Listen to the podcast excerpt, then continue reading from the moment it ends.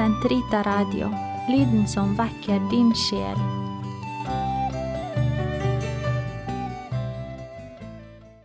Den katolske kirkes katekisme, uke 35, torsdag 1499-1505. Femte artikkel De sykes salving. Ved de sykes salving og prestens forbund er det hele kirken som anbefaler de syke til den lidende og herliggjorte Herre, for at Han skal lindre og frelse dem. Ja, den oppfordrer dem til å tjene Guds folk ved frivillig å forene seg med Kristi lidelse og død. Grunnlaget for de sykes salving i frelsens økonomi Sykdom i menneskets liv Sykdom og lidelse har alltid vært blant de alvorligste av menneskelivets prøvelser. Under sykdom erfarer mennesket seg som avmektig, begrenset og endelig. I all sykdom skimter vi døden. Sykdom kan føre til angst, til å lukke seg inne i seg selv, ja, noen ganger til håpløshet og opprør mot Gud.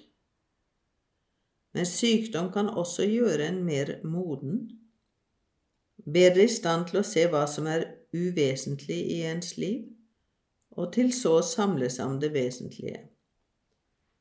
Ofte leder sykdom til å søke hen til Gud, til å vende tilbake til Ham. Den syke får Guds åsyn. I Det gamle testamentet gjennomlever mennesket sykdommen for Guds åsyn. Det er for Guds åsyn det utøser sin klage over den, og det er ham, Herren over liv og død, det bønnfaller om å bli helbredet. Sykdom blir en vei til omvendelse, og Guds tilgivelse det første skritt på veien til helbredelse. Israel gjør seg den erfaring at sykdom på gåtefull vis er forbundet med synd og det onde, og at troskap mot Gud etter loven gir livet tilbake. For jeg er Herren din lege. Exodus 1526. Profeten forutaner at lidelse også kan ha en mening som forløsning for andres synd. Endelig forkynner Esaias at Gud skal bringe Sion en tid da han tilgir all synd og helbreder all sykdom. Kristus legen. Kristi medlidenhet med syke og hans tallrike helbredelser av vannføre av alle slag er sikre tegn på at Gud har gjestet sitt folk, Lukas 7, 16, og at Guds rike er nær. Jesus har ikke bare makt til å helbrede, men også til å tilgi synder. Han er kommet for å helbrede hele mennesket, både på kropp og sjel. Han er den lege de syke har behov for.